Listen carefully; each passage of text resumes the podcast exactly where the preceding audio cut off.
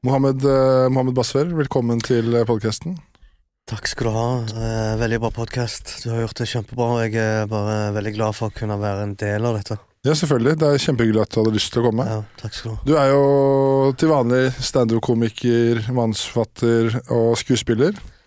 Ja, altså jeg eh, Personlig så går ikke jeg rundt og kaller meg selv for skuespiller, for jeg Nei. har jo sett disse skuespillerne jeg har spilt med, og vet du hva? Det er skuespill.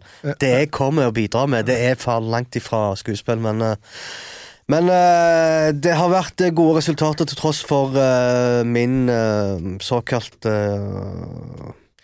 Jeg er jo amatør. Ja, men, Jeg er amatør og føler ikke meg som en skuespiller. men resultatet har blitt bedre enn da, kan vi si. Det er Ja, god, det er, jo, det er jo Jeg kan si at jeg har spilt i en serie som har vunnet Cannes-festivalen. Ja, ikke sant? Ja. Det er ikke så Det mange er som kan jævla gode klippere der, da. De har gode klippere, og de har uh, gjort det bra med å få meg til å se bra ut. Og de andre. Men jeg hadde jo jeg hadde litt lyst til å invitere deg hit, for jeg har jo snakka med deg en del eh, tidligere. Og liksom at Uh... Ja, Når ble vi kjent egentlig første gang? Men jeg, jeg tror jeg møtte deg første gang på Folken i Stavanger. Det stemmer, ja. Uh, I grottene. Jeg tror du sto i grottene. ja. Ja. Det er, det er sikkert tre, tre år siden, kanskje? Nei, det er mer enn det. Mer enn det. Det kan ikke være så mye mer. Jo. Jeg begynte med standup i 2020. Å ja, ikke mer? Nei. Å ja. Jeg Så- følte det var før pandemien. Nei Jeg tror Ja, det, det, jo, det kan være for slutten, i start, helt i starten av 2020, da. Ja, Kanskje januar eller noe. ja. Men jeg hadde jo liksom lyst til å, å ha deg her, for jeg har, du har jo veldig, en veldig sånn fascinerende historie. Og det har jo Når jeg snakker med deg, så det liksom, tenker jeg, vet jeg ikke om halvparten er kødd, eller hva det er, fordi du har opplevd så mye rart. Mye av det er sannhet, eh, og det er ofte mitt inntrykk når jeg forteller dette på scenen og tester de nye bitene som du gjerne har hørt på, så, så sitter jeg med en følelse av at uh, publikum kjøper ikke denne historien. Det er for, det er for. Det er, de bare kjøper ikke det, og eh, det blir bare sånn klein stillhet. Fordi du er da du er oppvokst i, i Jemen. Jeg er født i Jemen, Ja. Eh, oppvokst i Saudi-Arabia, og så har jeg flykta videre til Sverige. Ja. På 90-tallet, før eh, endestasjonen var Stavanger, og da sa de til meg, Mohammed, du, kom, du trenger aldri flytte vekk igjen. Her skal du bli. Ja. Så jeg utvikla veldig sånn sterk følelse til hjemfølelse til Stavanger. ja, men det, det skjønner jeg jo, da. For Sånn, første liksom, gangen jeg utvikla hjemfølelse. Altså, det har Ja. vært tre-fire nye adresser hvert år hver gang med Fra null til ti år. Tre-fire nye adresser hvert år. Det er Som barn så tenker jeg ikke så mye på det, men det er jo en sånn en uh, Hvorfor skal vi dra igjen? Uh, jeg har jo akkurat fått meg en ny venn her. Ja. Som er, sorry, men vi må, vi må må videre. vi videre. Men hvor lenge var det du bodde i Jemen? Uh, jeg bodde ikke der så lenge. Det var Vi flytta når jeg var noen få måneder gammel. Ja. Og da var det over til Saudi-Arabia? Saudi-Arabia, ja. Man, har- man har jo liksom sånn, i hvert fall sånn inntrykk når man er i Norge, så har man et sånt uh, inntrykk av, uh, av Saudi-Arabia som et veldig sånn strengt regime og uh, et lovverk kanskje som ikke alltid matcher det norske, da. Altså hvordan var det, og, hvordan var det for deg å flykte dit og bo der? Å bo i Saudi-Arabia for min del var greit. Det var bare et par ting som ikke ga mening, men ellers så var det ok, fordi at eh, du er jo oppvokst i et eh, muslimsk samfunn, og da er det jo alle de, alle de elementene som er en del av hverdagen, det, det er jo bare noe du ser på som normalt, da. Så øh, sant du Fredagsbønnen, så går du og ser på halshogging. Det er sånn, ok, det er lørdagskos, og det blir liksom det som er underholdningen for oss, da. Ja. Uh, Så det var liksom offentlige halshugginger? ja, ja, det var jo hver fredag. Ja. Så det var jo folk samla seg etter bønnen, og så ja. Nå er det hans tur. Så, eh, så for meg så var det sånn, ok, uh, det er normalen. Jeg, har, jeg tenkte ikke så mye på det, men så fort jeg ble ungdom eh, og, og eh, begynte å reflektere over ting Men da var jeg i Norge. Da hadde jeg sett en del ting i Sverige og en del ting i Norge og tenkt sånn Hei, men jeg skiller meg litt ut, jeg. Ja, ja, Jeg er faen meg en outsider. Mm. Og det å innse at du er en outsider, og prøve å gjøre noe med det, eh, det har eh, kosta litt, fordi at eh, du må jo på en måte gå imot dine overbevisninger, først og fremst. Tror jeg på disse tingene fordi de er sanne, eller fordi foreldrene mine har lært meg, og samfunnet har lært meg det. Eh, og det å stille kritiske spørsmål til de overbevisningene har jo har jo ikke alltid vært uh, fryd og gammen, da. Men hva, Kan du gi et eksempel på sånt, en sånn overbevisning, liksom? Ja, altså, hvis du da eh, Forskjellen mellom en muslim og en vantro, det ligger i de fem bønn. Sant? Mm. Så det er det islamsk trosretning sier. Så hvis du ikke ber de fem bønn, så er ikke du muslim. Uh, og da er veien veldig kort til helvete. Uh, og jeg sitter sånn, ja, men uh, det er jo en fortelling om ei dame som ba til Gud 24-7. Hun tenkte ikke på noe annet enn å bare be til Gud, og så hadde hun glemt katten sin død. Og på grunn av at katten døde, fordi den mangla mat, så havna hun dama som var veldig overtroisk, altså troende, hun fikk en dårlig skjebne, da. Er det, er også, det en også, fortelling i Koranen? Nei, fortelling nei. av profet Mohammed. Okay, ja. Og så er det den annen fortelling om at det, det, er en mann som ikke trodde på Gud, som fant vann til, som fant en tørste hund. Han gikk bort til hunden og ga han vann. Den mannen her trodde ikke på Gud et sekund, og hans skjebne var evig liv i paradis, liksom. Ja. Hva sier det? Sier det noe om at uh, bønnen er viktigst, eller dine handlinger er viktigst? Mm. For jeg tolker det som at det, det er dine handlinger som avgjør mest. Ja. Og uh, ikke om du Jeg kan be fem ganger til dagen, og så gå rundt og selge våpen uh, etterpå. Altså, jeg Men du, vil du si, ser du på deg selv som en veldig troende muslim? Jeg har jo vokst opp uh, veldig strengt uh, troende hjem, da. og jeg har jo blitt veldig farga av det. Men jeg har jo òg klart å, med årene, å finne meg sjøl, da oppi alt dette, og jeg tenker i dag at jeg er en eh, så å si liberal muslim, da. Til tider så vil enkelte si at jeg er veldig, veldig liberal. Mm. Uh, men uh, så gjelder det også å finne balansen i ting, tenker jeg. Det er sikkert my mye fint i alle religioner og sånt men det er òg mye, mye rart. Mye ja. rart, kompis. Jeg vet ikke om jeg har lyst til å stå og tro på alt det rare som havner der, for eksempel. Det er en liten sånn greie som mor mi pleide å si til meg. Hvis du ber forsinka, nå er du to minutter forsinka, vil du ha, vil du ha kobraen i graven din? Fordi det er jo den trosretningen om at eh, hvis du ber forsinka, så kommer Gud til å sende en sånn heftig slange. Oh ja, ned, ned, i ned i og, så kommer, ja, og så kommer han til å knekke alle beina dine. Ja. Eh, du, du, er jo død. Altså, ja. hva mer? Hvorfor Altså, det er det som har vært et sånt problem for meg. Hvis Gud er så barmhjertig som foreldrene mine eller samfunnet vil ha det til, hvis Gud er så snill og barmhjertig, hvorfor skal det være så forbanna mange typer straffer for alle ting du gjør, som for eksempel å glemme bønnen eller å komme for seint til bønnen? Det, Sånne ting har jeg hatt litt problemer med ja. å tro på. Men føler du det er vel uh, ikke noe unikt med, uh, med altså islam i den forstand? Det er vel veldig, jeg føler det er veldig mange, kora, veldig mange religioner som er liksom opptatt av at det er en straff hvis man ikke følger, følger det også. Ja. Eh, og det, det, går jo da kanskje, som du sier, imot det å være barmhjertig, da. Eh, nå er jo kanskje vel, det vel var eh, kristendommen da, som tilgir, eh, tilgir det meste, men, eh, men sånn som du sier at du er oppvokst da i et veldig sånt eh, som vil si du var konservativ muslim når du vokste opp, kontra nå som du er liberal. Altså, Hvordan ser en hverdag altså, hvordan, hvordan, ser hverdagen ut for deg i Saudi-Arabia som barn da? Når, altså, som barn så våkna jeg kanskje klokka seks. Og klokka syv så var jeg eh, på skolen. Til klokka var sånn rundt tre-halv fire-fire. Uh, og etter det så um, Skolen var jo veldig uh, dominert av koranlesing. Dette var i Saudi-Arabia, en skole som lå midt i ørkenen, langt ute langt vekke fra alt som kalles liv og røre, fordi at uh, dette var en skole for papirløse barn. Jeg var jo en av de. I Saudi-Arabia så, så, var jo folk fra Jemen straffa fordi at presidenten Ali Abdallah Saleh den tiden var å støtte Saddam Husseins invasjon av Kuwait. Mm. Og da sa alle gulfstater at de som støtter invasjonen av Kuwait, som er en gulfstat, de er imot oss. Ja. Eh, så da var det, var det, jo masse sanksjoner mot folk fra Jemen. 800 000 jemenere på 90-tallet mista sin eiendom. Det betyr at hvis du, Espen, hadde, sånn som faren min, to supermarkeder, en gullfabrikk og alt dette her, eh, og var fra Jemen, innen det året er ferdig, så skal du ha blitt kvitt alt det du eier. Eller så skal du ha en saudiaraber som skal være en medeier 50% og den saudiaraberen trenger ikke gå inn med penger. Men han skal stå som 50 eier. Ja. Hva tror du som skjedde med alle de verdiene og formuene til disse jemenerne?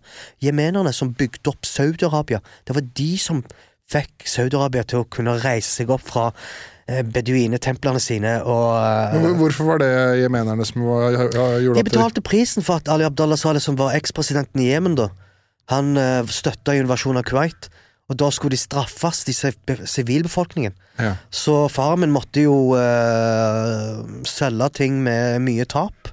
Verdisaken, verdiene til som han eide, da, bare sank i verdi, og um, han tapte mye penger, da. Mm. Uh, og han var jo bare en, en av mange andre jemenere i Saudi-Arabia den tiden. Men tror du det gjorde noe med faren din at uh, han liksom eh, kanskje gikk og bar på en slags bitterhet og sleit med liksom, å stole på, på myndigheter og sånn videre av det? Han sleit jo med å stole på myndighetene lenge før det, fordi at min far er jo en eh, eks-aktivist eh, som eh, har jo vært eh, Han har jo sett eh, Han er jo født da Jemen var kolonialisert av England. Han har jo sett hva kolonialismen har å tilby. eh, og da Jemen ble selvstendig, så valgte Sovjet å eh, finne en vei inn i Jemen, da. Og da var han en som kjempa imot Sovjets altså innflytelse i Jemen.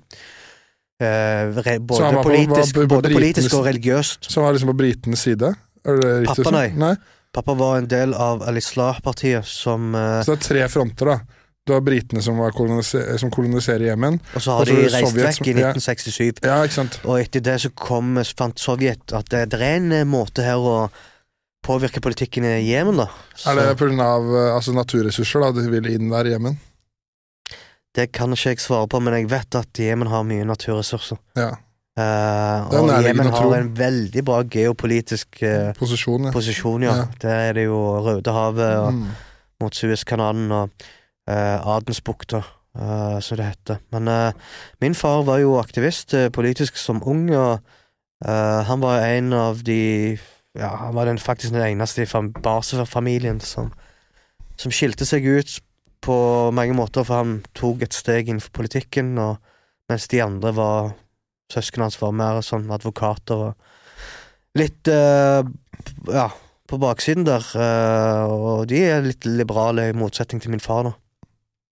Så han uh, joina det som ble inspirasjon til Muslim Brotherhood, et sånn en uh, muslimsk parti som starta i, i Egypt. Og de klarte å inspirere mange unge i, i arabiske land, og i Jemen blant annet. Og ble det en, et sånn politisk parti danna som en inspirasjon av Muslim Brotherhood. Og det heter Al-Islah, så pappa var en del av det, da. Og når han eh, var eh, sjef eh, i Aden for all slags bygging av ting og tang, så hvis du skal bygge noe, så måtte du godkjenne. Da kom jo disse her sovjetfolka, kommunistene, og prøvde å tvinge far til å signere på dokumenter som gjør at han skal forvandle gravplasser eh, og moskeer til tivoli og kafeer, og det nekta han å gjøre, for han mente dette Gjøre Gjøre om gravplasser og moskeer til tivoli og kafeer. Ja. Og det nekta han, så han eh, mobiliserte en demonstrasjon under en fredags, etter en fredagsbønn, og det endte opp med at det var åtte-ni drepte. Så fra akkurat den aksjonen som han var med å danne i samarbeid med Al-Islah-partiet, så fikk han eh, en del trusler og følte at han ikke kunne lenger eh, være i sjefsjobben. Eh, og som straff for at han ikke signerte, så drev kommunistene og tok eh, eiendommer til pappa nå. Ja, det, Eh, så det var liksom kommunistene som gjorde at faren din måtte selge Ja, han solgte ikke en dritt, han måtte flykte. Uh, så han ble fratatt eiendommer og sånt. Men de supermarkedene og sånn, da? dette var supermarkedet i Saudi-Arabia. Så Ja, han flykta ja. til Saudi-Arabia, Ja. danna supermarkeder og fikk uh, først en jobb for uh, Osama Building Company, eller Construction Company, fordi at far og bestefar er jo fra den samme landsby som Bin Laden-familien. Så faren din jobba for by- bygge Han jobba i tre år, tror jeg, for Bin Laden Building Company. og han har gjort det kjempebra. Han hadde over 2000 ansatte under seg, og de lagde nest størst moské i verden, som ligger i Medina. Ja. Plass til over en million. Men, så, men er det da Er det da faren din er da er det, jobb- er det riktig å si han jobba med faren til Osama bin Laden? Han jobber for. For, for faren til Osama bin Laden? Ja, ja, dette er en uh, stor familie, stor organisasjon, og de har et sterkt rykte i øh, Saudi-Arabia. De har det i USA òg. og, Laden. ja, ja. Så det de, de, de, at pappa da kom til Norge og prøvde å søke på jobb etterpå, Mm. med bin Laden i CV-en, det har jo aldri vært lett for han. Nei. Det har aldri lett. Han fikk seks måneders uh, avtale i Stavanger kommune, så var det sånn, nei. Så han begynte å jobbe som taxisjåfør, da, etterpå. For han, han måtte ha seg en jobb, og ja, det var jo en heftig lang nedtur for far.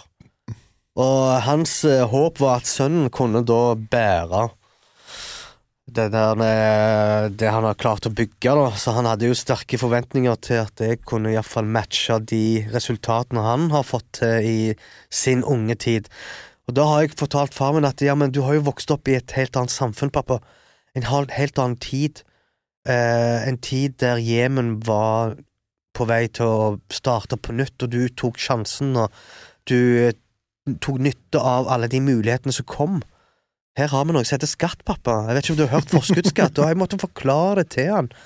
Eh, så det er, er en del ting som eh, far sliter med. Men faren din eh, lever fortsatt? han lever fortsatt, men ja. han er jo òg litt sånn Etter alle de nedturene han har hatt i Jemen og Saudi-Arabia, og i, i Norge, så har han gått på en sånn psykisk smell som han har holdt kjeft om. Ja.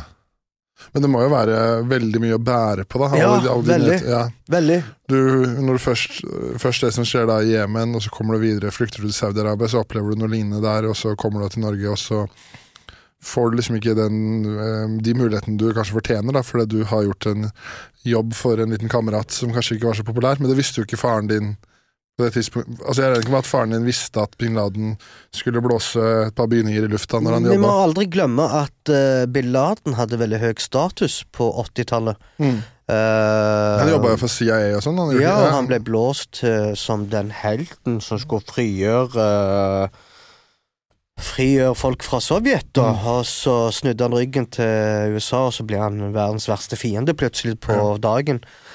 Eh, og det er jo noe sånn propaganda som pappa ikke tror på. Uh, han vet at uh, bin Laden-familien er en forretningsfamilie. altså De driver med forretning, og han ene skiller seg litt ut, og det skal ikke være representativt for resten av familien. Det er den tanken, da. Og jeg er litt enig med far, altså, på akkurat det. Vi trenger ikke Ja. dra alle under en kamp. Nei, nei, nei. Det er Altså, jo Mora til Anders Behring Breivik er jo ikke ondskapsfull, fordi hans, hennes sønn gikk og plafra 77 ungdommer. Nei, det er, jeg er helt enig, det er veldig sant, det. Men det blir, vel bare rett og slett derre Det er vel et sånt stigma som følger med, som det er vanskelig å, å bli kvitt. da. Selvfølgelig. Jeg Ja. måtte etter 11. september Det starta med feiring. Fordi pappa var sånn «Ja, Yes, endelig får USA sin medisin her. Og dagen Oi, er etterpå såpass, ja. Ja, og Ja. dagen etterpå så sa han du, hei sønn, hør nå her. Eh, fra og med nå, eh, inntil videre iallfall, så, så er vi indere. Eh, du er ikke Mohammed, vi er fra India hvis folk spør. Ikke fortell du er fra Jemen eller Saudi, bare ikke si det. Nei. Så da var jeg en inder i noen måneder. det var det, altså. Um, og um, ja, jeg tuller om det, men det er jo sant. Eh, Jeg spilte fotball når eh, de flyene krasja. Og jeg husker far skriker 'Hamad! Hamad!' Og jeg springer fra fotballbanen. Raskt som bare det.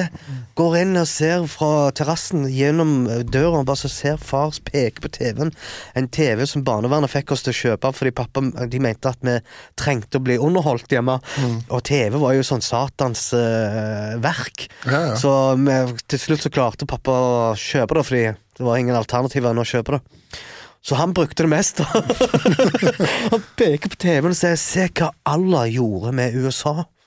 Men så går jeg inn, ser jeg et fly, høy bygning som brenner, og jeg skjønner ikke hvor dette er. Jeg vet ikke, sant, jeg er, tror jeg var tolv år, elleve år, tolv.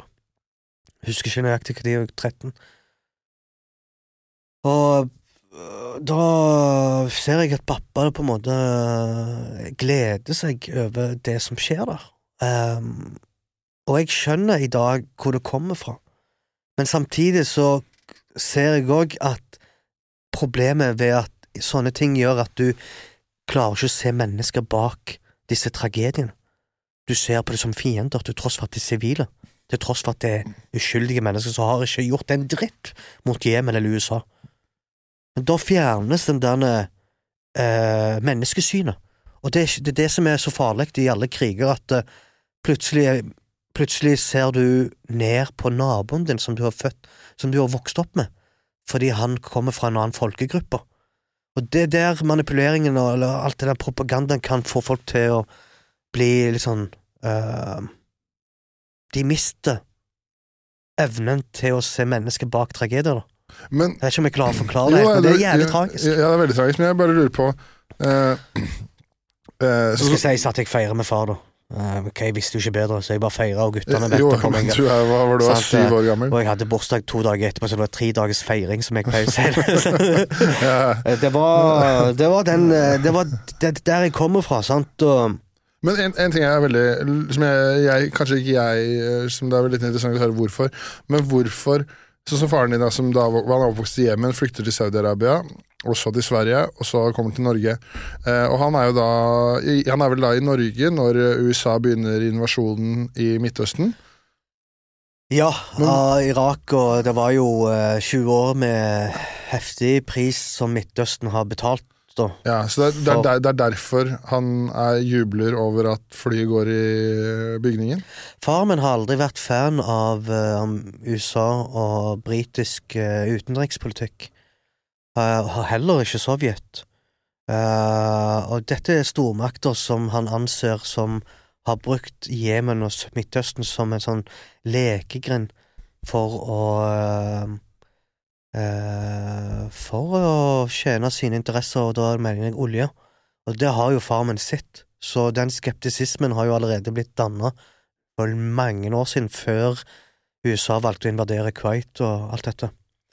Uh, ja, så jeg har jo vokst opp med å, å, være skeptisk til hva disse stormaktene har å si. Altså, du må ikke tro på dem et sekund, de er ikke her for å hjelpe oss mitt USA er ikke her for å spre demokrati i Irak, min sønn. Det, det er den talen jeg har fått før. Mm. Og, og, det er ikke bare fra far min, men òg fra andre voksne arabere.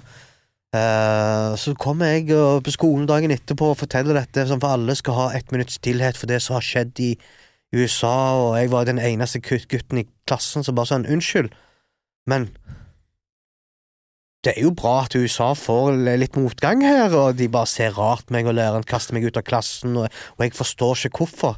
Nei. Her kommer jeg med en helt annen virkelighetsoppfatning. Men, uh, men så er det jo det med at uh, ja. Men hadde du noe punkt hvor du liksom uh, begynte å, å, tenke og liksom reflektere over at hvordan skal jeg si det? Når, siden du var såpass ung da det skjedde, du kommer i klassen, forteller det er bra. Hadde du på en måte et uh, punkt uh, der i tiden etterpå hvor du begynte å tenke, uh, kom med egne meninger og tenkte faen, kanskje ikke det er så bra? Eller var det rett og slett bare den troa fordi du hadde ja, blitt det, ja, ja, ja, ja, ja, fordi jeg har jo blitt utfordra, og, og jeg har så det personlig tenkt sånn Hva er det som tror Alt jeg tror på, er, er det sant eller ikke sant? Hva er det jeg egentlig Men så har jo mine Mine overbevisninger om at uh, Midtøsten er jo Altså, vi arabere, da, betaler en pris for uh, det som har skjedd med kriger og invasjoner. Det, det, det, er jo først og fremst våre egne arabiske ledere som har solgt landene sine for 50-lappen, ok? Som har uh, blitt uh, egentlig marionettdukker for uh, stormakter. Det, det, kan jeg påstå å si i dag ennå. Hva er det du legger i det? Uh, det, det jeg legger i det, at disse politiske lederne som har styrt f.eks. i Jemen, Egypt og Dette er jo ikke akkurat folkevalgte nei, nei. folk. Dette er jo Vi så jo det under den arabiske våren, når når folk gikk ut i gatene og ville ha frie, demokratiske valgsrunder. Og istedenfor så har det skjedd det motsatte. Det har vært en altfor lang arabisk vår der uh, Jemen Bare ta et Jemen. Der venter folk ennå på at det, kom, at det skal skje eh, valg. Eh, presidentvalg, eller sånn stortingsvalg, hvis du kaller det. Eh, og det har gått nå tolv år siden den arabiske våren. Og fortsatt så har vi en sånn en president, midlertidig president i Jemen, som verken det jemenske folk har valgt, men som Saudi-Arabia og Hillary Clinton har vært med å påvirke. Og så gikk Hillary Clinton veldig flott ut i sosiale medier og bare 'Å, vi må klappe for demokratiet i USA'. Nei, i Jemen. I Jemen, ja. Ja, endelig har de klart å velge eh, Vi har jo ikke valgt en dritt. Det er bare satt inn fra Og han bor jo ikke i Jemen engang. Han er jo på, i eksil i Saudi-Arabia. Ja, slags- Hvem er det som styrer Jemen i dag? Det er ingen som styrer Jemen. Det er sånn ko- koloni altså Norge, Norge Når var det når danske eller svenske kongen satt og styrte Norge derfra? Det blir litt sånn Ja. Ja. Så eh, Jeg vet ikke. Jeg mener at eh, det har vært et tidspunkt der jeg har eh, innsett at eh, mye av det jeg har trodd på, sånn politisk iallfall, eh, stemmer litt. Spesielt etter at en organisasjon som heter Wikileaks gikk ut og avslørte masse krigsforbrytelser i regi av England og Storbritannia. Og Wikileaks har jo uh, fått mange uh, sammen med Julian Assange, som er genien bak Wikileaks, da. En hacker, en uh, Jeg vil si at han er en journalist og redaktør, da. Som sitter i Belmarsh fengsel fordi at han har avslørt så mye statshemmelige dokumenter og ting og tang. Og, Ja. Ja, det er den prisen han betaler for at han har eh, belyst oss om eh, overtramp og politisk arroganse fra store vestlige stormakter, og ikke bare store vestlige, men òg fra andre nasjoner som Russland og eh, Kina og you name it. Og da så jeg at eh, den ene videoen som ble releasa, var et helikopter som plafra ned journalister. To av disse var fra Reuters, eh, Reuters-byrået som ble drept. Eh, de gikk jo ikke med våpen, de hadde bare kamera med seg med telelinser, og, de bare skjøt de Hvem er det som skyter de? eh, et amerikansk helikopter. Ja. Og du ser i den videoen at uh, uh, Den er på YouTube å finne. Uh, at, at dette er sivil... Altså, dette er jo bare journalister Mm. som plafres ned. Og da satt jeg og tenkte sånn Altså, pressefrihet er jo noe som Vesten høyt flagrer. Men i praksis så plafres journalister i Midtøsten for for ingenting.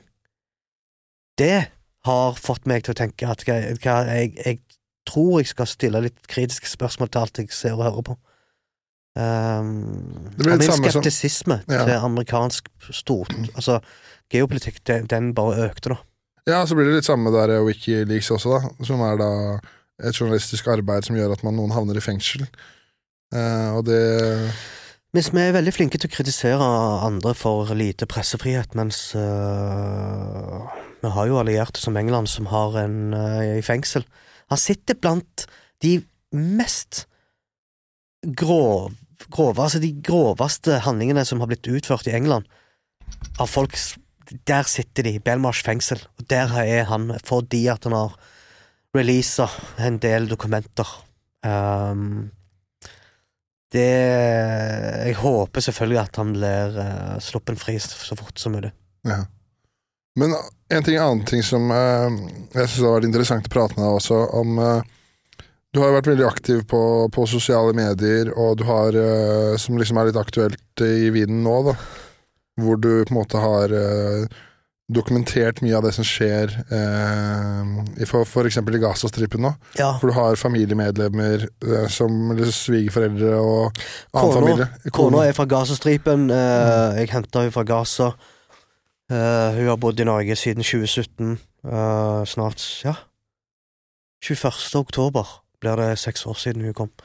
Så, um, så da har jeg på en måte slektninger og svigersforeldre der, og de er jo ganske vant til at eh, det blir bombing uh, annenhver måned. Men kan du bare, kan du før du går på det, kan du, er det en eh, kort eh, oppsummering som hadde fortelle hva som foregår der nede mellom Israel og Palestina? Det, det er jo ikke en hemmelighet at eh, helt siden 1967 så har ehm, kartet på det som heter Palestina, blitt drastisk endra. de palestinske områdene minker for hvert år som går. Eh, tusenvis av palestinske familier blir tvunget til å bli eh, sendt ut i leirer, da. Og det øker Da kommer, for da kommer de bare og tar i huset. De kommer og tar huset ditt. Og du, eh, det er videoer av en som heter John, som uh, stormer eiendommen til en familie, og så sier hun dama sånn John, you can't take my house. What do you mean? If I don't take it, somebody else will take it, sier han til henne. "I- I- Don't blame me, I didn't do it. Sa han? You, you are doing it.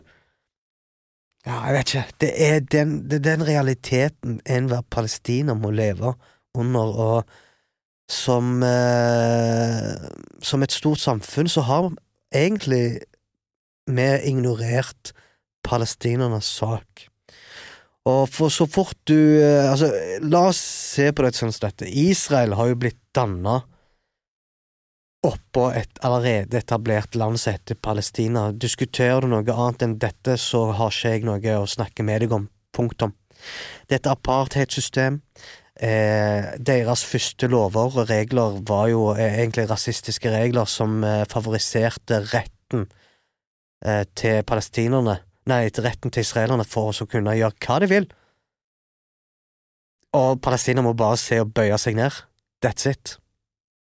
Så klart eh, er Palestina-saken ikke bare en sak for bare Palestina, men òg for resten av den arabiske verden, fordi at eh, Al-Aqsa-moskeen er jo en av de hel, tre helligste moskeene i islam, og den moskeen drives stadig til å bli eh, herja på, stengt ned. Eh, de som ber det, blir trakassert. De eh, blir raida plutselig ut av det blå. Der er Altså, hva heter settlers på engelsk på norsk? Settlers. Ja, altså uh... folk som egentlig ikke er fra Palestina, som bare stormer eh, moskeen med ja, full, sånn, ja. med full eh, støtte fra israelske soldater. De bare står og ser på. Mm. Sånne videoer ser jeg hver bidige dag, ok? Og jeg eh, har jo helt siden fra barndommen vært og demonstrert for Palestina-saken, og um, syns bare det gjelder kjipt at uh, ingen har lyst til å ta et standpunkt og bare si til Israel hello. Kan vi i det minste ha en tostatsløsning? For det ønsker jo ikke Israel. Nei. Ikke det hele tatt. De har en forventning av at Palestina skal bare fordufte av seg sjøl.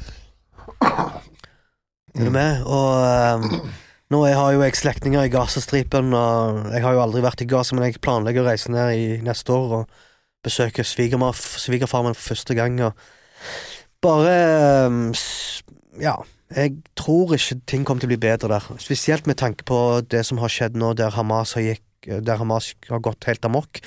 Eh, Jeg forsvarer ikke det som har skjedd, men jeg kan si at jeg skjønner.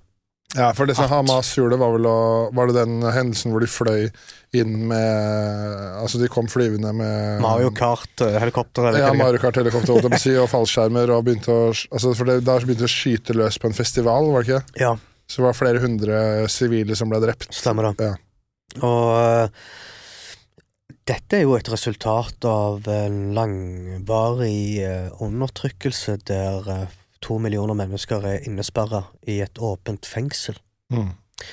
eh, som heter Gaza. Eh, der eh, vanntilførselen til Gaza stenges ned, strømmen kuttes hver fjerde time. eh, 16-17 år med blokade. På et tidspunkt så må man tenke ok, FN er ikke på vår side, det skjer ingen endringer, vi må ta til saken med egne hender, og det har de gjort. Um, det har gått utover sivile, dessverre. Og jeg, om Hamas forventer at uh, nå, nå kommer vi til å bli hørt på, nå kommer det til å skje resultater på, i vår favør, det vet jeg ikke om det kommer til å skje. Altså, jeg tror ting kommer til å bli verre. Nå, nå trenger bare Israel å ha den unnskyldningen for å kunne utføre det de elsker å gjøre mest av alt, nemlig bare teppebombe eh, hele Gaza. Og Gaza er jo ikke en stor by. Nei, nei, Jeg tror nei. det er sånn, jeg vet ikke hvor mange kvadrat, men det, er det er ganske lite. Men hva, hva Jeg tror Bærum kommune er større enn hele Gaza. Ja, ikke sant. Men hva sier hva, Sånn som svigerfaren din som bor der nå, og Eh, og liksom sov, altså våkner til at bomber går ned, og liksom, det må jo være en Jeg snakket med svigerfar eh, i går uh, rundt ellevetiden og hørte på han snakke, og to-tre tilfeller der vi måtte stoppe å snakke fordi at samtalen Du kan ikke høre svigerfar, men jagerflyene bråker så mye at det eneste du hører, er motoren til jagerflyene. Så går det sånn ti sekunder, så begynner vi å snakke igjen. Og for meg som sitter trygt i min egen stue, altså i Bærum Dude, jeg vet ikke, det er bare så absurd, velvitende om at svigerfar min kan øyeblikk i løpet av denne samtalen bli drept. Ja. bli drept. Mm. Men eh, palestinerne har jo en sånn veldig De smiler, de ler, de finner gleden i hverdagen, til tross for eh, disse omstendighetene, og jeg, jeg hadde blitt gal hadde jeg vært i det, men ja, det er noen av de som blir galne. Og, eh, men jeg tenker sånn som så, når jeg ble kjent med kona, og grunnen til at jeg egentlig ble litt sånn småforelska i hun da, det var fordi at jeg ringte hun under 2014-bombingen, krigen, sommeren 2014. Så sa jeg til henne ja, du, jeg, vil bare høre om du har det bra, for jeg hører at det er bombereids i Gaza, hvordan går det med deg? Eh, og så sier hun sånn eh, ja, du, eh, hva syns du om pasta og pesto jeg driver og lager nå? Det er veldig godt. ja, fasiken, det jagerflyene er over hodet ditt, og likevel så driver du og snakker til meg om en italiensk rett. uh, du er ei dame jeg vil ha. Mm. Jeg som kan danse i et brennende rom. Det er, hun- det er den mentaliteten de har, da. Men tror du ikke det eh, Sånn som jeg hadde en annen- bare så for at jeg avbryter deg, men det var en video jeg så av en mann som fikk beskjed om å komme seg fortest mulig ut av sitt hus. Fire-fem minutter etterpå, hele den bygningen var rasert ned. Så går fotografen 'Hei, trenger du hjelp?' Så ler han. 'Nei, trenger jeg, jeg er i live'. Så går han og vitser. Han bare vitser etterpå. Dude, huset ditt har blitt teppebomba nå, og likevel så finner du smilet. Dude, jeg, jeg, jeg tror ikke jeg hadde hatt den type mentalitet, altså. Nei, men det, det man, blir jo, man blir jo Man blir jo på en måte prega av øh, samfunn man lever i. Sånn som her i Norge så virker det helt utenkelig å kunne i det hele tatt bare overleve en dag og kunne ha det bra der. For her er vi, i Norge er vi så bortskjemte. Men jeg snakka jo, hadde en annen øh, på podkast nå som heter Astria, som var oppvokst i flyktningleir i, i Vest-Sahara eller Marokko. Vest-Sahara, ja. Ja, og hun fortalte også det at eh, at de, at de hadde det for henne da, i oppveksten. Så selv om de bodde i flyktningleir, det var satt ut landminer og det var krig, så klarte de liksom å finne en eller annen glede og humor i det sammen for det. Så man er vel et eller annet sånt overlevelsesinstinkt man har, da, så man, man blir vant til at sånn er det, da må vi gjøre det beste ut av det. Eh, kan jeg se for meg, da. Ja, eh, jeg har dessverre lite kjennskap til konflikten i Vest-Sahara, men eh, det er jo litt upopulært å si dette blant eh, det marokkanske samfunnet. Men eh, jeg tror Marokko Nei, men det var mer et eksempel i forhold Men- til men eh, tror- de, de, sånn som du sier Ja, om folk i, Gazastripen, da, som klarer å liksom smile, altså. Å finne gleden i, eh, i en dag som er en svart dag, da. Uh, han ene gutten eh, gikk og lagde en rapp uh, Altså, han rappa en sang, da. Etter at huset hans ble bomba ned, så gikk han og skrev en sang og bare gikk og filma seg sjøl og rappa utenfor eh, bygningen som var da et hjem for han før. Mm. Bare sa han okay, det er en overlevelsesinstinkt, eller mekanisme, som du sier nå. Ja. Uh, og det er det- Ja, det er veldig viktig å ha det. Hvordan Eh, stiller du deg, sånn som du som har familie på Gazastripen, når du ser sånn som i mediene, sånn blant annet eh, USA, da, for eksempel, som er veldig sånn Israel uh, Støttende til Israel, du ser ulike profilerte eh, folk på sosiale medier. Jeg så for eksempel Jordan Peterson, som liksom har flere millioner følgere, og så går han ut og tvitrer, eh, tagger presidenten i Israel, Netanyahu. Og sier 'give them hell'. Ja. Uh, Jeg er ikke overraska. dessverre så har jo uh, det narrativet om at eh, Israel er en sånn legitim stat, og Den har jo blitt uh, fronta veldig bra, veldig sterkt, og eh, den der tanken om at Israel har retten til å forsvare seg sjøl. Ja, ja, men har dere sett hva som har skjedd før Hamas tok tak i steinen eller kula og skøyt? Altså, har dere studert litt av hva som foregår de siste månedene. For det kommer aldri særlig mye i norske medier. Kan, fortelle, kan, fortelle, medier. kan ikke du fortelle det? Du har tusenvis av familier som har vært nødt til å se sine hjem rasert fordi at de hevd, staten Israel hevder at disse hjemmene har blitt bygga på ulovlig vis. da. Men det er familier som har blitt tvunget til å komme seg ut av sine hjem allerede i 1948, når staten Israel ble danna. Ok? Da har de vært nødt til å bygge sine hjem, og, og noen år etterpå så må de rasere det huset. Hvor skal de ellers bo? De får jo aldri, Palestina får aldri godkjennelse for å bygge hjem. Du kan søke, du får et nei. Skal du da bo ute? Nei, selvfølgelig skal du fader meg bygge et hjem, fordi det er jeg og familien din. Eh, vanntilførsel. Plutselig kommer det en svær, svær uh, Caterpillar uh, mas- Altså uh, lastebil og bare fjerner vanntilførselen til den landsbyen. Plutselig brenner de dine oliventrær. Hva var det 900 000 oliventrær har blitt brent ned de siste 15-20 årene? 900 000 oliventrær. Bare for å Palestina- ødelegge for, ødelegge for palestinerne. Når du gjør sånne små Altså sånne enkelte handlinger, da, til slutt så vil du oppleve at eh, At uh, Vel, det er ingen som hører på deg. Du har blitt fratatt land, du har, blitt, du har ingen rett til å bygge ditt eget hjem, du har ikke vanntilførsel, du har verken ingenting. Skal du bare stå og se på? Nei, da tar du tak i steinen, og så gjør du en motstand. Og, og den motstanden der hos palestinerne er jo uh, Syns jeg eh, De har holdt, holdt ut i 75 år, og jeg, jeg blir ikke overraska om uh, Helt ærlig, jeg blir ikke overraska at Hamas gjorde det de gjorde. Det kom kanskje som et sjokk for enkelte, men for oss som har stått og sett på hva slags situasjoner Palestina har vært nødt til å forholde seg til, så er det ikke en overraskelse. Dessverre så har jo Hamas eh, gått eh, ut, altså kryssa grensen og gjort handlinger som israelerne sjøl gjør, nemlig angripe sivile mål. Eh, det er alt jeg har å si, at det er jo ganske uheldig. Ja, for Men, det, eh, det, er jo synd at hvis eh, det ikke finnes noen annen løsning enn at man må begynne å drepe sivile. Ja. Eh, For det er jo i hvert fall sånn sett fra mitt Det er veldig lett å sitte og si det her i Norge, da. Men jeg bare ser for meg at det er synd at hvis man ikke kan komme til en løsning hvor man kan prate og kommunisere om å finne en løsning, kontra at man skal skyte ned 300 stykker på en musikkfestival. Da. Jeg ser, ser liksom ikke at det er løsningen heller, men det er jo hvis man liksom har opplevd Jeg så et intervju av en av eh, lederne i Palestina, hvor det var da spørsmål hvorfor kan dere ikke eh, snakke Altså ha en, snakke med is Israel for å ha en slags eh, forhand- fredsforhandlinger. Og da sa han bare at eh, de vil ikke snakke med oss. Og så sier, han, jo, men det, så sier journalisten jo, men det, du må kunne snakke om noe. Så bare, nei, men de vil ikke snakke med oss. Og da sier journalisten men det må jo være en annen løsning, eller bedre at man er i live, kontra at man eh, begge parter dreper sivile.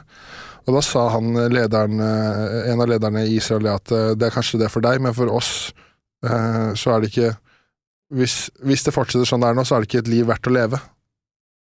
At det var, jeg føler jeg var ganske sånn eh, for, altså sånn eh, forklarte hvordan kanskje man føler det når landet ditt Du lever i et fengsel, landegrensene blir mindre og mindre, du blir teppebomba. Um, og så sier jo ikke jeg at det er eh, løsningen å svare med samme mynt, men det blir jo Det kommer jo til et punkt der man kanskje føler at man ikke har noe annet valg, da. Du kommer til et punkt der du ikke har valg. Um, jeg mener for eksempel at uh, Hamas, som en sånn ultrakonservativ organisasjon, de, de, de hadde ikke eksistert hadde ikke det vært for Israel. Altså, hadde det ikke vært for at uh, Jeg tviler på at palestinere i Gaza ønsker å bli styrt av Hamas, for å være helt ærlig med deg. Mm. Men det er jo det eneste alternativet som er der, som dominerer sinnssykt. Og sier du et ord mot Hamas, så Snakkes! Du er ikke online på Facebook dagen etterpå. Nei, for det, det er jo viktig å si at eh, Hamas må vel kunne kategoriseres som en terrororganisasjon? Eller? Max Manus var jo sett på som terrorist på et tidspunkt. Ja. Og eh, terrorstempelet er ikke noe jeg trenger å forholde meg til. Jeg, eh, Hva, men, hva, Jeg ser hva på- mener du med det? men altså, se på disse irske folka som kjempa for frihet, frigjøring. Altså, de var jo stempla som terrorister, de òg. Mm. Ehm, det er jo klart at uh, i alle kriger så begås det alvorlige terrorhandlinger Ja. Uh, for begge parter. Ja, selvfølgelig. Men- jeg men- sier jo ikke at det men- bare er Hamas det er snakk om. Nei, nei, men uh, Hamas er en frigjørings... de, eh, er en frigjøringsgruppe som er veldig konservativ, ultrakonservativ, etter min smak, mener jeg. Um, og eh, det de har gjort nå, har jo Det kall- går jo under terrorstempelet. De har jo drept sivile og den type ting. Og, um, ja, altså det, terror, Selve terrorstempelet er det sånn Jeg er litt forsiktig med å, med å klamre meg fast til den. Uh, Israel er jo De har jo gjort mye mer verre ting, for å si det mildt. Ja, og, ja. og, og hvis vi skal da stemple noen for terror, så kan vi like så greit òg gjøre det med Israel, tenker jeg. Men eh, ja eh, Hamas er jo ikke en organisasjon som eh, kommer til å skape særlig mye demokratiske verdier i Gaza. Det kan jeg si til deg her og nå. Men eh, det er en motstandsbevegelse, og personlig så håper jeg at de lykkes med å frigjøre folk i Gaza. Men samtidig så tenker jeg sånn Gaza og beleiringen av Gaza var jo under han eh, forrige statsministeren eh, som jeg har glemt navnet på nå, han er jo død. Eh, men eh, der var det jo mange eh, jødiske familier som trakk seg ut av Gaza, og der fikk palestinerne plutselig ta over disse områdene tilbake. Eh, og det er jo Der ble det plutselig Hamas, og så har du Fatah som en annen organisasjon. og Israel vil ikke at de to skal samarbeide. Sist gang de var i talefot, disse to organisasjonene, Fatah og Hamas, når de begynte å snakke om samarbeid, så så vi at Israel svarte umiddelbart med å bombe Gaza igjen. For eh, jeg ser på det sånn at Israel tjener på at det er to motstridende grupper, og at Hamas er der de er. Eh, men på et tidspunkt så tror jeg langsiktig plan for Israel er faktisk å skvise ut folket fra Gaza og ta over hele Gaza. Og hvis det skjer, så er det jo ille, men eh, jeg håper ikke det skjer, selvfølgelig. Personlig så tenker jeg sånn eh, På et tidspunkt så må den krigen ta slutt, og det virker ikke som om enden er der ennå. Men sånn som for svigerfaren din, eller din svigerfamilie, da. De er egentlig ikke fra Gaza. Det er egentlig, De er fra en annen landsby, men på grunn av at israelerne har tatt over, så har de funnet en vei ut, og de fant en sånn flyktningsleir i Gaza, så de har bodd der siden da, og um, ja. men er, de, er de, når de for eksempel eh, eh, leser eh, Hvis de leser nyheter og får informasjon, da. Er, de sånn, er det vanskelig for de å forstå at, det ikke, at ikke Palestina får mer hjelp og støtte fra resten av verden? Eller hvordan stiller ja, de seg ja, ja, ja, ja, altså Jeg dreiv og snakket med svigerfar min, og så sa jeg til han, vet du hva, far, uh, kaller han far Um, Tonen har snudd litt her i Norge, mediene er ikke helt støttende for uh, saken i Palestina, sånn som det pleier å være. Ikke tro på noe av det du leser, sier han. Ingen har vært på palestinernes sak i det hele tatt. Det er bare tomme ord. Så det er jo sånn holdningen han og mange har, da, at det, er ingen som er på vår side. Til og med araberne har jo snudd ryggen til ta Saudi-Arabia, Emiratene og Bahrain, land som har offisielt gått ut og sagt nå er vi venner med Israel. Uh, ok.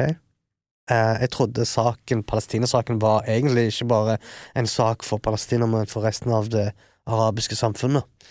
Eh, men sånn har det blitt nå, at folk er mer opptatt av penger og business, og da er det viktig å ha god tone med en okkupant som Israel. Ja, for det er vel, det, det er vel, eh, det er vel ikke Man overdriver vel ikke å si at uh, det er på en måte en slags uh, uh, Hvordan skal jeg si, kanskje ikke imponerende er riktig ord, men det, for meg er det jo litt sånn eh, overraskende at krigen har vart så lenge. Og det, det sier vel noe om det palestinske folket, for det er vel ikke feil å si at Israel er mer velutvikla i, i form av eh, militært utstyr og, den, og økonomi, da. At uh, de ressursene Israel har til å uh, drive krigføring, er på et litt annet nivå enn uh, Palestina og Hamas. Er ikke det riktig å si? Jo, veldig. Veldig. Det var en, det var en israeler som sa at han var jo IDF-soldat. Nå er han aktivist, og han sa jo det at Israel er like jødisk som stat, på samme måte som Sør-Afrika var hvit. Det er, ingen, det er ikke en jødisk stat. Um, det er en sionistisk stat. Sionistisk politikk og ideologi som uh, Ja, for det, bare så som- folk henger med på det, altså, eh, den sionismen, da, er da at, eh, at uh, det, jødedommen ikke er en religion, men en, eh, en mer en nasjon, da. Blir ikke det riktig å si? At man ser, at, at man ser det mer på som, ikke som en religion, men et land. Ja, Ja. Og, og, og sånne Du har mange jøder eh, som har sagt at vi har jo egentlig ikke eh, lov til å danne vår egen stat. For det står i de hellige skrifter, i Toranen, at det liksom eh, Vi vi er et jødisk folk uten stat. Eh, og eh, sånn som han sa da, soldaten, at det, det er jo Israel-prosjektet har jo bare blitt bygget opp på et allerede etablert land, da.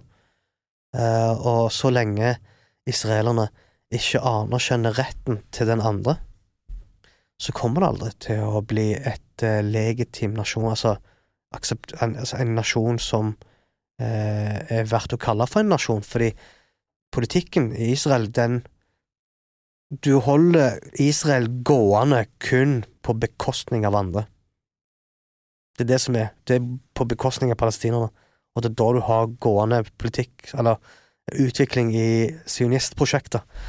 Um, ja, det er jo et overlegen, eh, overlegen maktapparat vi snakker om nå. Og jeg tror ikke at jeg som eh, Mohammed Basever kommer særlig godt ut av det i denne poden hvis det er en israeler som sitter og hører på det, tror jeg. Det tror jeg ikke. Um, men jeg velger å stå for å si at eh, om de om, Som storsamfunn og FN og alt dette, hvis vi bare driver og ignorerer eh, den der eh, etniske rensingen og alt dette, så kommer Hamas, så kommer palestinere, til å finne på sånne aksjoner som vi har sett som, til, så langt til nå. Jeg har aldri i mitt villeste fantasi forestilt at Palestina kunne svare på den måten som de har gjort nå, altså. Uh, det er en vekker for både de som er på Palestinas side, og på Israels side. Ja. Det, det som skjer nå, er helt vanvittig, og jeg tror det kommer til å bli veldig blodig mens vi snakker. Det er bare eskalering på eskalering. Det er veldig synd. Um, jeg har jo eh, Du må jo vite at eh, jeg eh, har jo hatt jødiske Eller jeg har jødiske venner, og jeg har jo satt meg ned blant med israelere og snakket med de om alt og ingenting, og vi har jo hatt det veldig bra sammen. Ja, det var i Amsterdam, i en coffeeshop, men likevel, det, vi fant tonen. Vi klarte å finne tonen. Og de visste at jeg var på palestinas side, og de var tidligere IDF-soldater som jeg satt og snakket med, og det er mulig å sitte på bordet og snakke, det er det som er poenget mitt. Eh, og det er det som vi må forvente og kreve av både palestinere og israelere, at de må sitte samme bord og snakke. Men tror du ikke det, altså nå, nå som det har vart i var 75 år, da, Så er det mye vanskeligere. mye vanskeligere. Ja, ja. Det er såpass mye vondt blod, altså, ondt blod imellom de, så det Ja, virker nesten som det er eh, Man har jo de der våpenpausene som blir tatt. Man blir, kommer an til våpenhvile uh, under ulike perioder, men så virker det alltid som at man kommer tilbake til samme punkt hvor uh, man går ut i krig igjen, da. Ja, og masse av det er jo sånn Ja, men uh, vår hellige tekster sier at dere er drit. Mhm. Og så sier de ja, men vår hellige tekstene våre sier at dere er drit. det blir faen aldri fred og ro å finne. Altså Nå har jo jeg en datter på fem år, og eh, det kommer sikkert et tidspunkt der jeg må fortelle henne hva er det som foregår der nede. Eh, og jeg må fortelle henne på en måte som ikke eh, Ja, som er mest mulig Hva heter det? Hva kaller du det? Altså, ikke Jeg prøver ikke å ta en særlig side på verken Palestina eller israelerne, mest mulig nøytralt, da. Mm. Og det er jo det som uh, jeg syns litt synd på barn i Palestina og Israel, at disse blir manipulert til å tenke det verste om den andre. Barn på seks år som har sanger der det går utover sånn araberne er drit, og de må fjernes, og, og palestinske barn som eh, blir oppvokst til å tro at dette er bad guys, og, og når du har en generasjon som vokser ved å tenke at den andre er farlig og den må utslettes, så kommer du aldri til å oppnå fullstendig resultat av fred, da. Nei, men hvordan er det for datteren din? Har hun eksempel et eh, nært forhold til bestefaren sin som er i, er i Gaza? Eller skjønner hun at eh, bestefar er i fare, eller hvordan er det? Nei, hun skjønner ikke det. Ikke helt ennå. Uh, men hun har et bilde av seg sjøl med israelske soldater i bakgrunnen der hun sitter som en toåring og spiser brød og drikker vann. Og så har hun liksom 'Pappa, hvorfor har de våpen?' Og jeg ser på det bare på eh, Du vil forstå, men dette, dette er soldater. Ikke bra, sier jeg. Det er ikke bra. Nei. Så ikke snill? Nei, de er ikke snille, sier jeg til henne. Men så er det jo bare soldater som driver og forsvarer det de kaller for sitt eget land, da. Uh, men jeg gleder meg til å få henne til å skjønne at uh, hele det du er, du er i Norge for en grunn. Og det er jo et stort geopolitisk spill som har vært et resultat for at både mor di og meg og dine besteforeldre lever sånn som de lever i dag. Det er ikke bare poff, nå er du hjemløs. Det, det er ikke på dagen. Eh, allerede israelske prosjekter har jo blitt planlagt allerede sent på 1800-tallet, før det ble realisert i midten av 1900-tallet. Så det er sånne ting jeg må lære henne, og jeg syns eh, det er veldig fascinerende å se mange nordmenn bare skifte flaggene sine til israelsk flagg. Eh, vet de egentlig hva som har foregått de siste 75 årene? Det, det, det, Ja, men er det, er det Jeg synes det er mulig jeg Derfor kanskje vi er i det er blant annet i komikermiljøet. Der jeg plutselig Hvilket miljø? ser Komikermiljø. Sant? Der jeg ser enkelte bare sånn Ok, aha, ja. Han har delt scene med å ha skifta flagg, eh, profilbilde til israelsk flagg og Nei, fordi jeg har, Eh, bare, jeg har kun sånn- sett pa palestinske flagg på min uh... Ja, jeg kan vise deg etterpå. Okay, ja. Eh, Men uh, det var sånn overraskende greier. Bare sånn, all right. Uh, Det er sikkert fint å være venn med Israel, men eh, eh, ikke glem hva den staten der har klart å påføre palestinerne. For hvis vi ignorerer det, Espen, hvis vi bare overser alt den dritten de har gått gjennom, så går vi i en sånn sirkel i debatten. Da kommer vi tilbake til der vi starta. Det er det ikke det som foregår nå? Jo, jo, veldig. Ja, Veldig, og det er ingen hemmelighet i at Israel gjør sitt ytterste for oss å eh, påvirke eh, narrativet, og påvirke det meg og deg skal tro på, av hva som har skjedd, og hva som er sant, og hva som er det, det er ingen tvil, de har jo eh, De, har jo, de gjør jo solid jobb, og der kommer Palestina litt dårlig ut med tanke på at de har jo bare sine egne kanaler de kan nå med. Uh, Seinest i fjor dreiv Instagram og blokkerte kontoer som på en måte var kontoer eh, Instagram-kontoer som viste hva som foregikk Ja. i blant annet Gaza eller i Vestbredden i Palestina. Hva tror du det sier til sånn person til meg, da, som ikke er vestlig, da? Eh, hva tror du jeg sitter og tenker da, når jeg hører om Instagram-kontoer som blir lagt ned uten spesiell forklaring? Det er jo selvfølgelig eh, Hvorfor legger de det ned? Fordi at Men det må jo føles urettferdig og håpløst da, hvis man prøver å dokumentere faktisk de krigsforbrytelsene som skjer, og så er det noen som prøver, prøver å legge lokk på det. Ja, så er det sånn Ja, du har nå uh, kryssa våre eh, såkalte Retningslinjer, retningslinjer. Mm. Men eh, jeg kan gjøre akkurat det samme greiene, men bytte flagget med ukrainsk flagg, og, og da er selve innholdet fortsatt gående. Da Mm. er, det, da er det i vår retningslinje. Så det er sånn, sorry Mac, men det er litt dobbeltmoralsk uh, greier, hykleri, som er ute og går der. Eh, og Israel er jo veldig flinke til å bruke kjente profiler, enten komikere, modeller, som kan gå ut i sosiale medier og snakke fint om Israel, snakke fint om ditt og datt, og hvorfor skal Israel drive med det? Hva, hvorfor er de nødt til å punge masse penger til kjendiser rundt omkring i verden for at de skal komme til Israel og snakke fint om Israel? Ja, men det er, jo det blir jo, det er som alt annet, en slags markedsføring for å reklamere seg selv som på riktig side av saken. Hvitvasking. Ja. Eh, Hvitvaske seg sjøl, kaller, kaller jeg det. Men- uh, Eh. det samme med Saudi-Arabia og den jævla sporten de har prøvd, og golf, golfsporten og fotball. eh, alt dette er bare washing, etter min mening. Mm.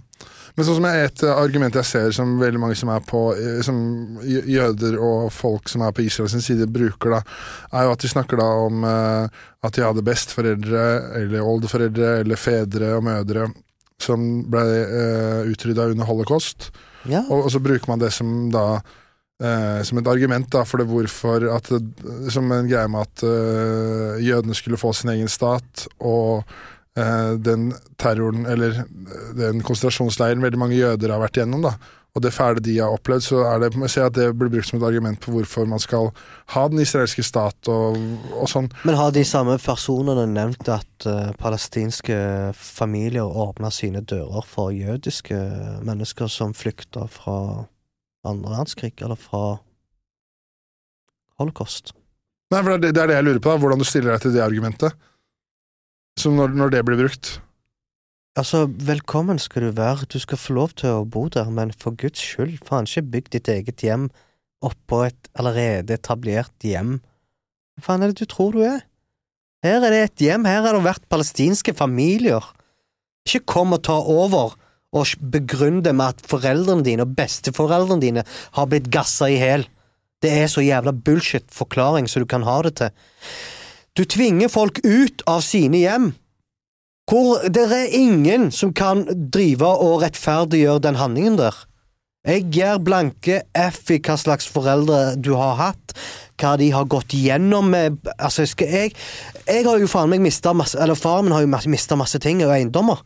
Skal jeg ta over hjemmet ditt og si, vet du hva, Espen, nå må du skjerpe deg, min far har jo mista, bestefar har gjort ditt og datt, og jeg, jeg må jo etablere meg, jeg òg, på ditt område. Det er jo så jævlig banalt som du kan ha det til. Hvis Hvis vi ønsker å hjelpe folk, øh, så kan vi for all del hjelpe dem, uten at andre skal miste sine hjem, eller at det går på bekostning av andre. Jeg, jeg, det Jeg vet ikke, jeg bare syns det er helt banalt å si det, det, det argumentet du kom med. Nei, altså, ja, det er mer et spørsmål fra min side.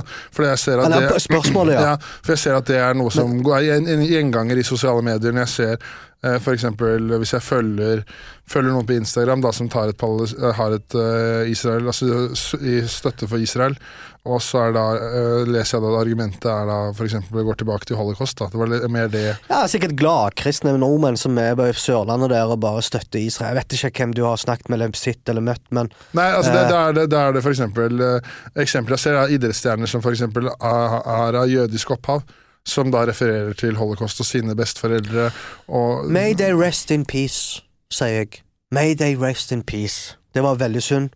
Det var horribelt. Det er vi alle enige i. Betyr det at du skal da tråkke på andre sine hjem, og eh, skal liksom gå videre i livet ditt? det, det kortet er misbrukt, sorry. Mm. Eh, i, mye av det jeg har sagt så langt i denne podden, garantert kan bli stempla av sionister som antisemittisk, men det er bare et hersketeknikk for å få oss til å holde kjeft om det som faktisk foregår der nede. Jeg kommer aldri til å endre mine synspunkter om så jeg mister jobber eller oppdrag. Det driter jeg i. Ja. Jeg eh, står ved det jeg eh, tror på, og jeg bare snakker det jeg ser, og det jeg ser er at eh, mange palestinske hjem mister sine Familier mister sine hjem, og mm, de ender opp med å bo i leirer. Skal de bo i leirene generasjon etter generasjon. For jeg har vært borti de leirene. Jeg har bodd i noen av de palestinske leirene eh, som har blitt bygga i 1948. Du vil ikke være der. Du har ikke lyst til å For et liv! Men kan du forklare hvordan det var der? Det er trange kår. Eh, når du går i disse leirene, så er det kanskje maks, maks én meter brei vei. Så når du går inn i disse smale Det er jo sånn blokk på blokk, sånn vegg i vegg, og ledninger overalt. Vi snakker om sånn 50-60-100 ledninger med strøm og vann, og de går i samme linje, og det, det er fullt kaos. Og der blir det født barn. De vokser. De blir voksne. De er fortsatt i samme leir, i samme situasjon. Så får de barn, de òg, og det går bare i sirkel. Ehm, det er jo ikke rart mange av disse palestinerne føler at uh, storsamfunnet har svikta dem. Og et resultat av den ignoransen, og det at vi har ignorert, mener jeg, den ignoreringen som har skjedd, det gjør jo at de da kan utføre sånne handlinger som Hamas har gjort nå. Og jeg tror meg det kanskje sitter her og sier vi er overrasket. Vi må ikke være overrasket. Ikke bli overraska, Det kan eh, ikke være ting framover òg, så lenge vi aldri tar tak i det. Vi, vi krever at russerne skal ditt og datt, men med Israel så er det en helt annen tone. Og som araber, som jeg ser, jeg ser den forskjellsbehandlingen. Ja, for det, det skulle jeg spørre deg om. Altså, Jeg ser den forskjellsbehandlingen, og det gjør at jeg mister mer tillit til de såkalte folkevalgte som vi har blant annet i EU og Norge og USA. Ja. Jeg vet ikke, men jeg for hver Jo eldre jeg blir, mer uh, pessimistisk blir jeg når det kommer til det med å forvente fred, verdens fred og Altså, hvor mye fred har vi egentlig fått av å dele fredspris? Nada. Vi ga jo den til Obama, som i seinere tid klarte å bombe syv forskjellige land i ettertid. Ja, han er jo den presidenten som har uh, bomba flest droneangrep. ja, og eh, det var under hans eh, vakt at eh, våpenindustrien gikk tom for våpen, eller bomber. Det er sykt å tenke. At de gikk tom for bomber. Det er ikke, det, det er ikke mange som vet dette, men helt siden 2001 og alt dette med Når USA valgte å teppebombe Ir- Irak, da. Invadere Irak og Afghanistan. Det har jo vært over 388 000 bomber som har blitt sluppet eh, som, som, har blitt, som ble sluppet i eh, Midtøsten. Det tilsvarer sånn 47 bomber hver dag på hovene til muslimer i Midtøsten. Du kan ikke sitte her og forvente da at dette er folk som kan lett stole på oss. Vi har jo teppebomba det i regi av demokrati og fred og kvinnefrigjøring. Norge har jo vært støttende i den krigen, og et eksempel var jo Libya. Ja. Fy fader, når Libya, når, når Norge slapp over 600 bomber på Libya, da mista jeg seriøst tillit til, til de som jeg trodde var opptatt av fred og USA sa hopp, og vi hoppte. Vi hoppte uten å stille et spørsmål i Stortinget. Mm. Støre var med på det. Stoltenberg var med på det. Og som araber så ser jeg på det og tenker sånn, ja, her har det norske folk oppriktig trodd at vi har bomba Libya kun for at vi ønsker de vel. Jo, det, det er nok Men det er viktig å påpeke at ikke alle nordmenn tenkte sånn da.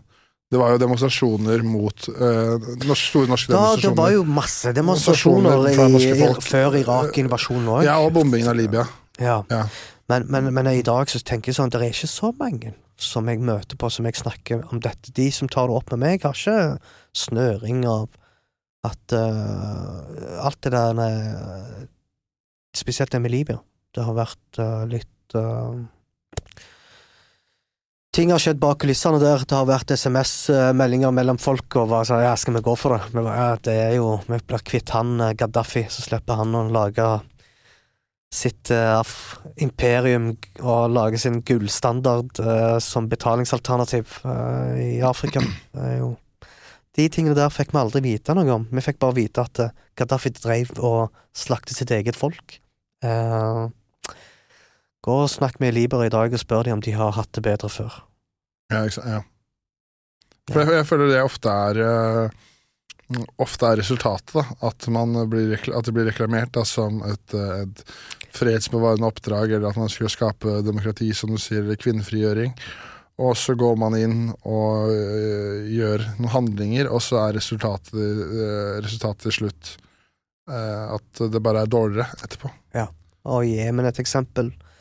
Etter den arabiske våren så har jo uh, Jemen blitt teppebomba av uh, saudarabere og emirater. Og, det er jo i full støtte med Altså, USA og England har jo stått bak og gitt tommelen opp og bidratt med det de kan, de òg. Så I don't know, man. Norge Jeg trodde hele veien, blant òg Norge, at Norge var en sånn fredsnasjon. Åh, vi er en fredsnasjon. Men når du finner eh, våpenutstyr som vil, eller materiell som er produsert i Kongsberg, Kongsberg-gruppen, ja. ja, som plutselig er å finne i Gazastripen Mm. Hvor mye fredsnasjon er det igjen av oss? Jeg vet ikke. Nei. Men jeg har liksom et sånn inntrykk av det, har jo du på en måte vært inne, eh, innom flere ganger nå i løpet av episoden, men det virker for meg virker det som, som at eh, eh, At man er veldig Egentlig av de fleste nasjoner da, er opptatt av eh, fred, menneskerettigheter og demokrati når det passer dem. Og deres, deres økonomiske muligheter, men så fort det kanskje går utover økonomiske muligheter og allierte sånn geopolitisk, så eh, kommer det litt i andre rekke. da. Det blir samme som Libya, da, at man sier at Norge er en fredsnasjon, men så er man alliert med USA. USA ber Norge bidra til bombingen av Libya, og Norge ser da på USA som en veldig viktig eh, alliert. Og eh, har, Norge har flere amerikanske militærbaser i landet, f.eks.